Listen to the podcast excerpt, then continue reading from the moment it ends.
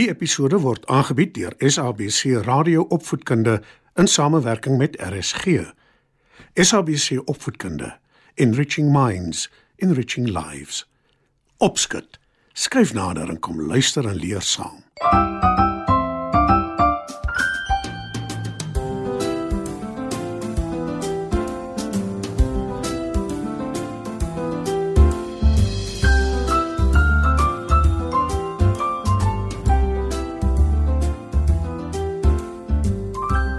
Goeienaand maats.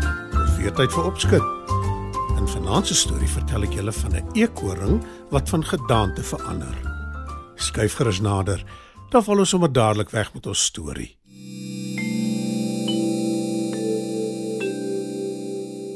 Een oggend, lank lank gelede in 'n digte bos in 'n land baie ver van hier af, word al die diere wakker en kyk verbaas rond, want daar is geen teken van 'n sonsopkoms nie. Een vir een gaan hulle na die watergat toe om hulle dors te les.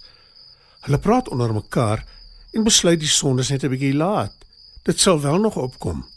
Maar hulle is verkeerd, want dit bly donker, Wat maak ons nou? sê Sekoi. Dis heel eenvoudig. Antwoord Kameelperd. Ons gaan soek die son. Want sonder lig kan ons beslis nie lewe nie. Die ander diere stem saam en begin almal na die son soek. Ek gaan begin soek tussen die hoë bome. Sê Betsy die eekoring sag. So sag dat net sy dit hoor. Sy voeg die daad by die woord en begin tussen al die bome te soek na die son. Al dieper en dieper spring Betsy rats in die digte donker woud in. Toeskielik sien sy in die verte 'n lig gloei. Dis die son. Roep sy opgewonde. Ek het geweet ek sal dit hier kry. Toe sy naby die lig kom, sien Betsy dit is inderdaad die son en dit sit vas tussen die takke van 'n boom. Moenie bekommerd wees nie, son. Ek weet ek is 'n klein diertjie, maar my tande is baie skerp. Ek sal die takke afknaag wat jou vaskeer en ek sal jou loskry. Dis 'n belofte. sê Betsy. Dankie klein eekoring. Kreun die son. Ek sukkel al ure maar ek kan myself nie bevry nie. Hoe meer ek probeer, hoe meer sit ek vas tussen die takke. Die eekoring spring dadelik aan die werk. Sy knaag en sy kou aan die takke. Dis harde werk, maar tou opgooi is nie 'n opsie vir die dapper diertjie nie. Na 'n hele ruk het sy die meeste van die takke weggeknaag, maar steeds sit die son in die heel boonste takke van die boom vas. Teen die tyd kry Betsy al baie warm, want sy het nou nader aan die son beweeg. Sy begin sweet en haar asem hyg. Haar pels begin ook nou te skroei in die velhitte. Ek ek kan nie meer nie. Kyk, my stert is al heeltemal afgeskroei. Hyg die eekoring. Toe begin die son pleit. Moenie tou opgooi nie asseblief. Ek moet so vinnig as moontlik hier loskom sodat ek die wêreld kan verlig. Want sonder my hitte sal al die diere omkom. Die eekoring weet dis waar. En alhoewel haar pragtige sagte pels nou al swart geskroei is en sy geen stert meer het nie, hou sy aan knaag om die son uit die laaste paar takke te bevry. Teen die tyd brand haar oë en hulle is bloedrooi. Sy maak hulle toe en sê: Ek kan nie meer behoorlik uit my oë sien nie. Ek sal hulle moet toemaak en eers laat rus. Maar weer pleit die son dat sy moet aangaan. En Betsy knaag voort. En uiteindelik is die son bevry.